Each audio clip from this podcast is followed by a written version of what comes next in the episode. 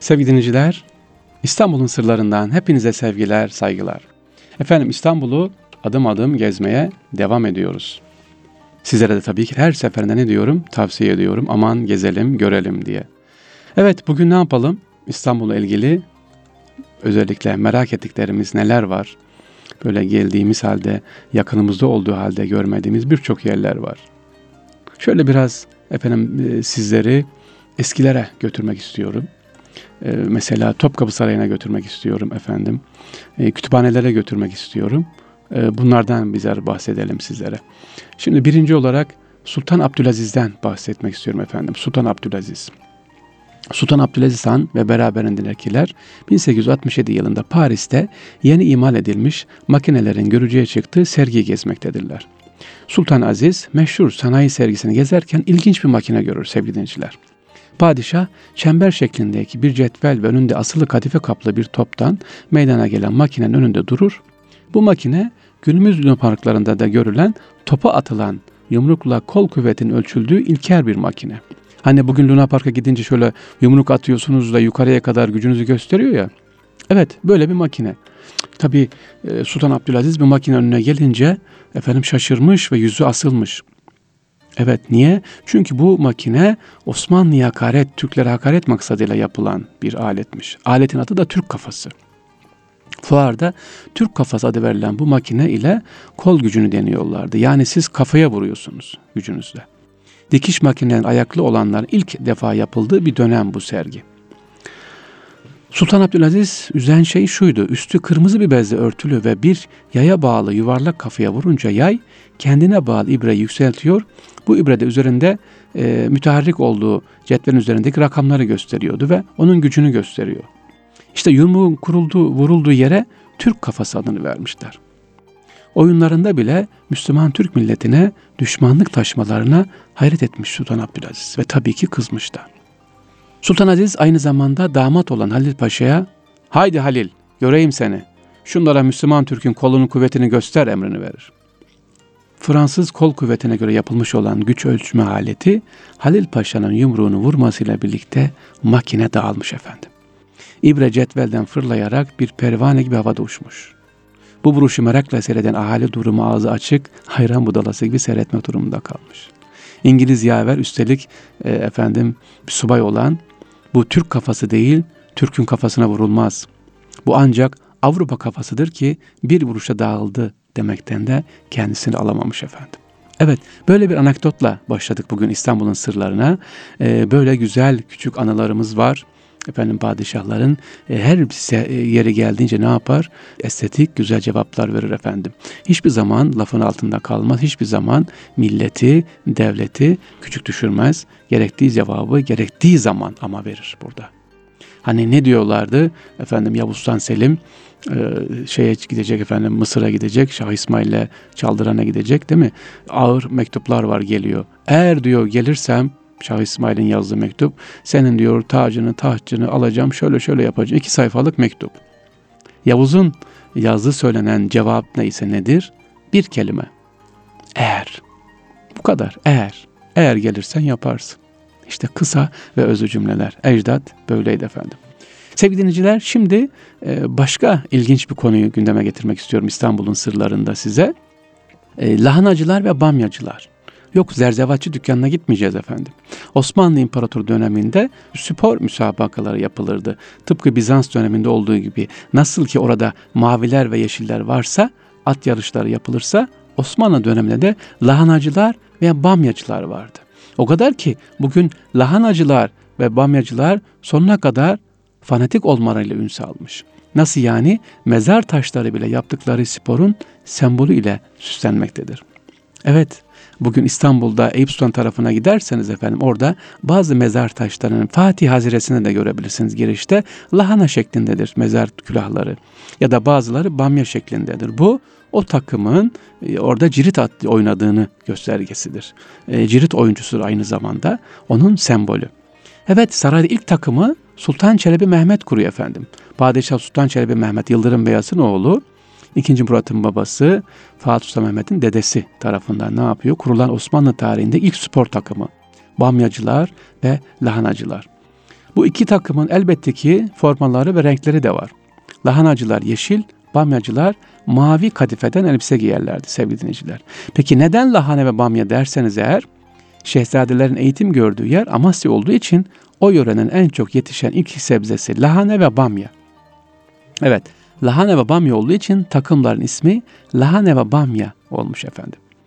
Saray tarafından desteklenip hatta padişahların da bizzat oynadığı ve takım tuttuğu lahanacılar ve bamyacılar öldüklerinde bile mezar taşlarına lahana ve bamya sembolü koyuyorlardı. Bu da onların ne kadar takımlarına bağlı olduklarının bir göstergesi. Efendim padişahlar arasında Sultan 3. Selim lahanacıları tutarken Sultan 2. Mahmut bamyacıları tutuyordu.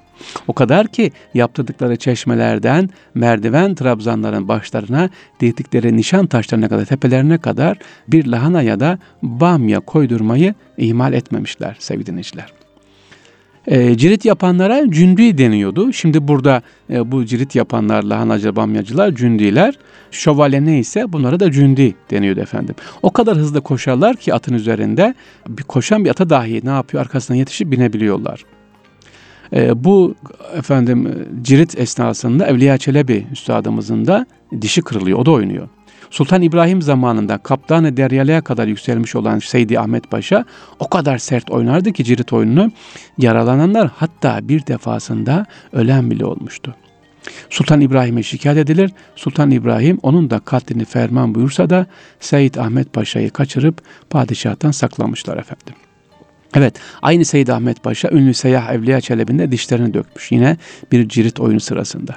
Seyahatnamesinden öğrendiğimize göre Evliya Çelebi zayıf, narin ve çocuk yapılı bir bedene sahip olmasına rağmen oldukça atik ve çevikmiş. İyi ata biner, iyi cirit atarmış efendim. Yine e, kendisine öğrendiğimize göre 1647 senesinde Seyyid Ahmet Paşa ile oynadığı cirit esnasında dört dişi kırılmış. Evet bu kırılan dişlerin de Viyana'da yaptırdığını yazar. Ne, ne kadar ne zamana kadar devam ediyor efendim? İkinci Mahmut'a kadar devam ediyor. Ondan sonra ikinci Mahmut böyle kazalar artmaya başlayınca ölümcül kazalar cirit oyununu sarayda artık kaldırıyor. Evet yani yolda görürseniz bamya şeklinde mezar taşları, çeşmeler ya da dikili taşlar ya da lahana şeklinde demek ki bu saraydaki cirit takımının efendim sembolleriymiş. Naksı bugün Galatasaray, Beşiktaş, Fenerbahçe var ya Trabzonspor diye de değişik takımlar. O dönem iki takımı da bu sevgili dinleyiciler. Evet İstanbul'un sırları devam ediyor değerli dinleyiciler. İstanbul'un sırlarında şimdi engellerin ayağına kitap götüren ilk kütüphanemiz var. Onlardan size bahsedelim biraz.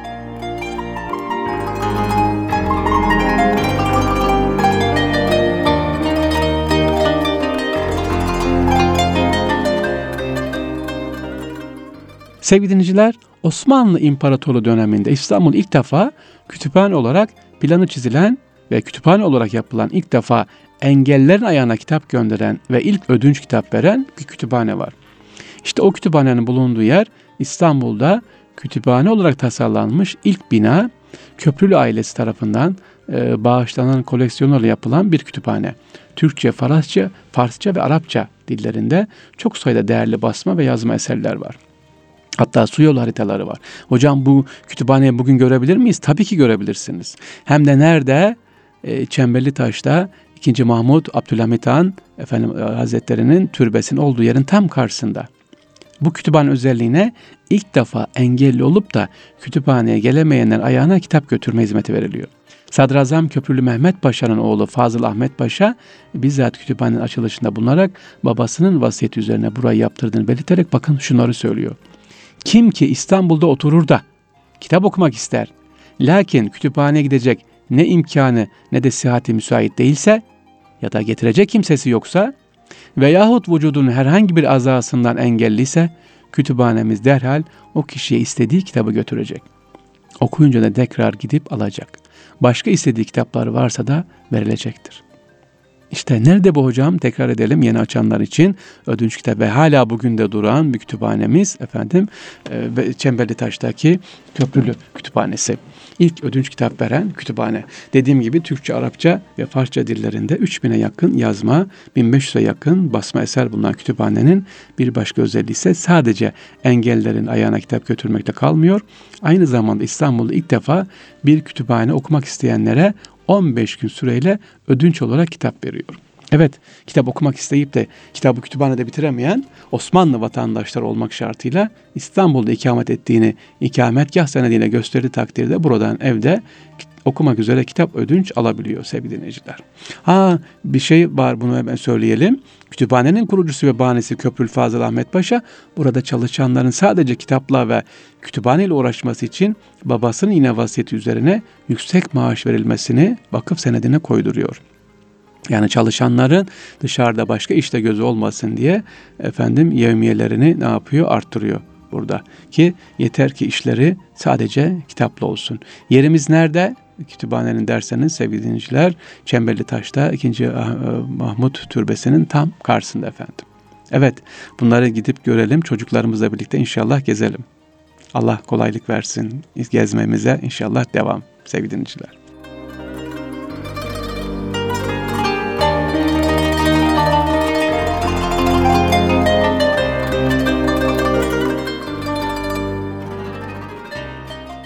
İstanbul'un sırlarındayız. Bendeniz Fahri Sarrafoğlu. Şimdi sevgili dinleyiciler söz Fatih'e geldi. Fatih'in şahit topu. Bu soruyu bana sık sık soruyorsunuz. Onun için burada bugün biraz daha e, tekrar edeceğim detaylı olarak.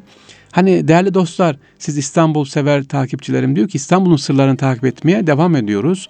Ee, İstanbul'da kullanılan toplardan bahsetmiştiniz hocam.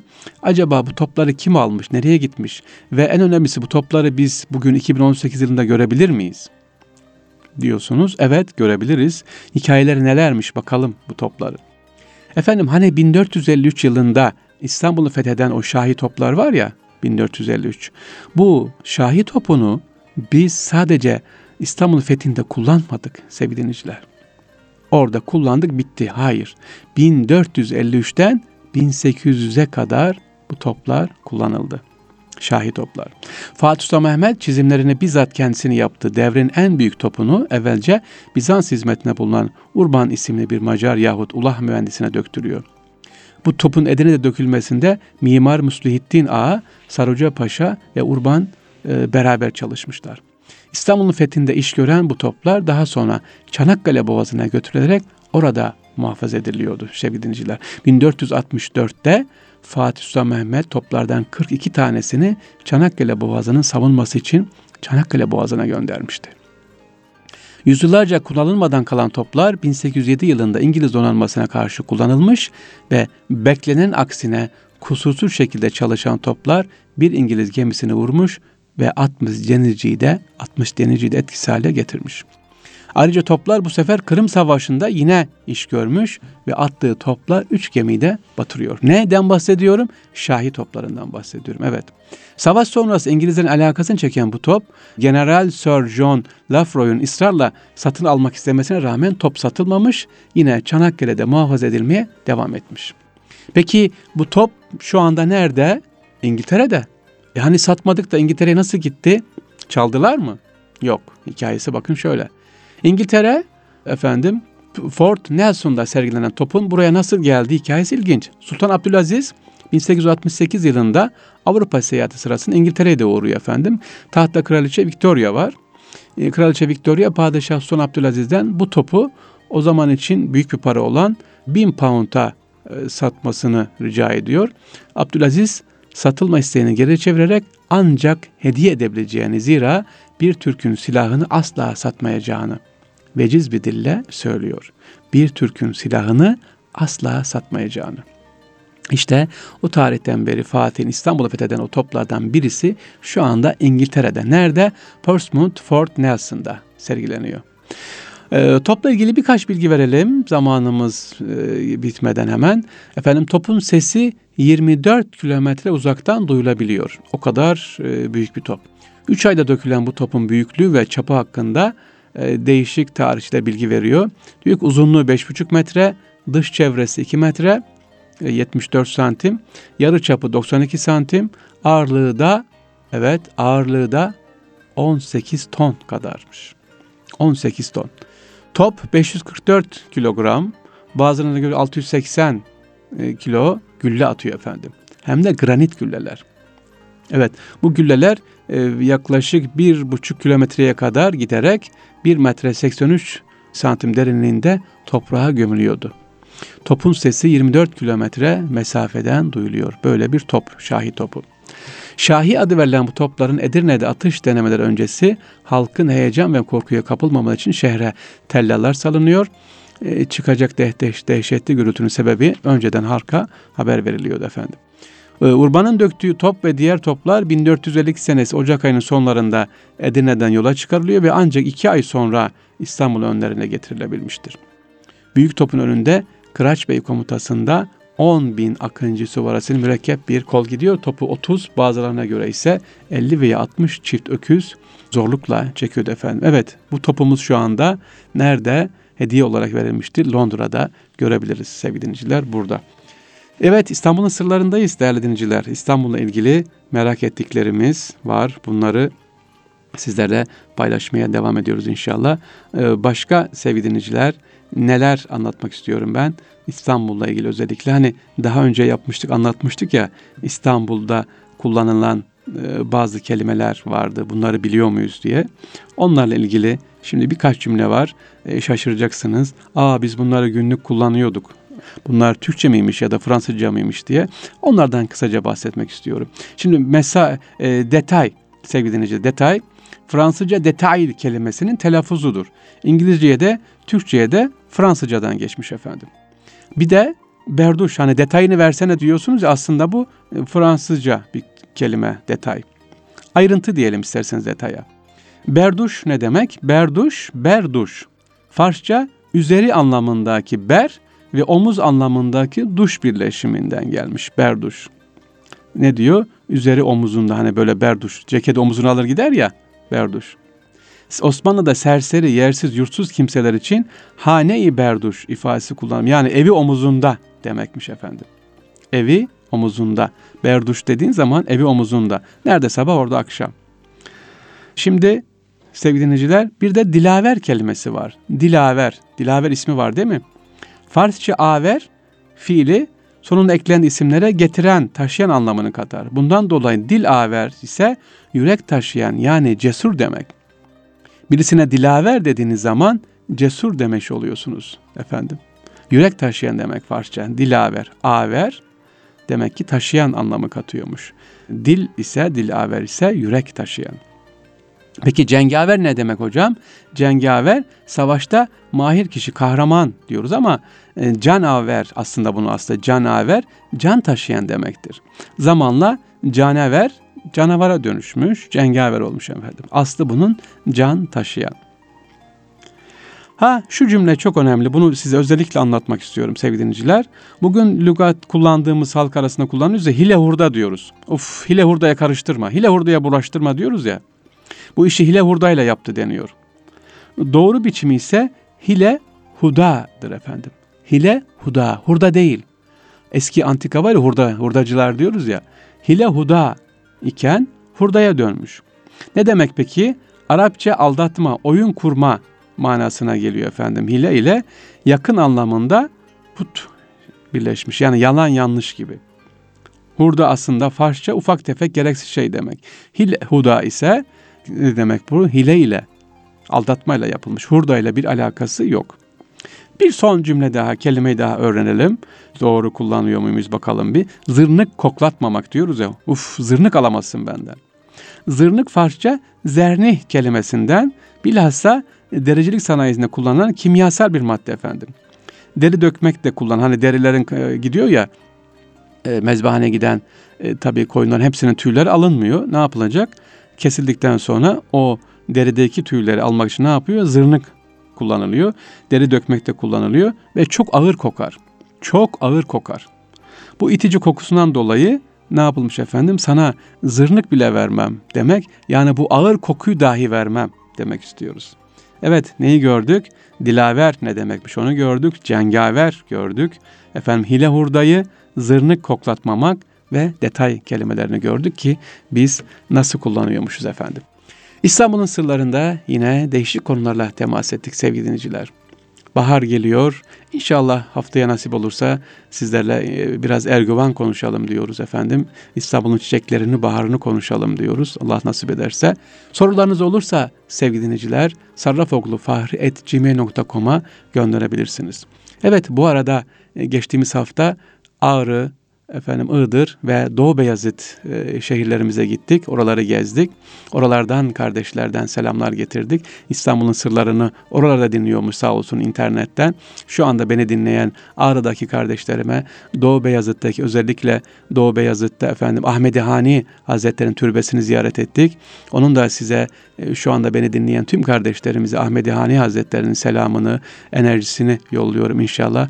Rabbim bizim de onun gibi e, tasavvufta güzel yollar almamızı nasip etsin. Yine Iğdır'da kardeşler selamları var. Orayı da gezdik, şehrimizde gezdik efendim. Bir tarafı Azerbaycan'da, bir tarafı Ermenistan, bir tarafı İran. E, üç ülkeyle sınırlı olmuş olan bir ilimiz Iğdır. E, Allah tüm illerimizi inşallah gezip görmeyi nasip etsin efendim. Oradaki tüm Allah dostlarına e, selam olsun. Bizleri dinleyen tüm kardeşlerimize selam olsun inşallah. İstanbul'un sırlarında bu hafta İnşallah buradayız efendim. Bunları konuştuk. Haftaya tekrar görüşmek üzere. Allah'a emanet olunuz. Kolay gelsin.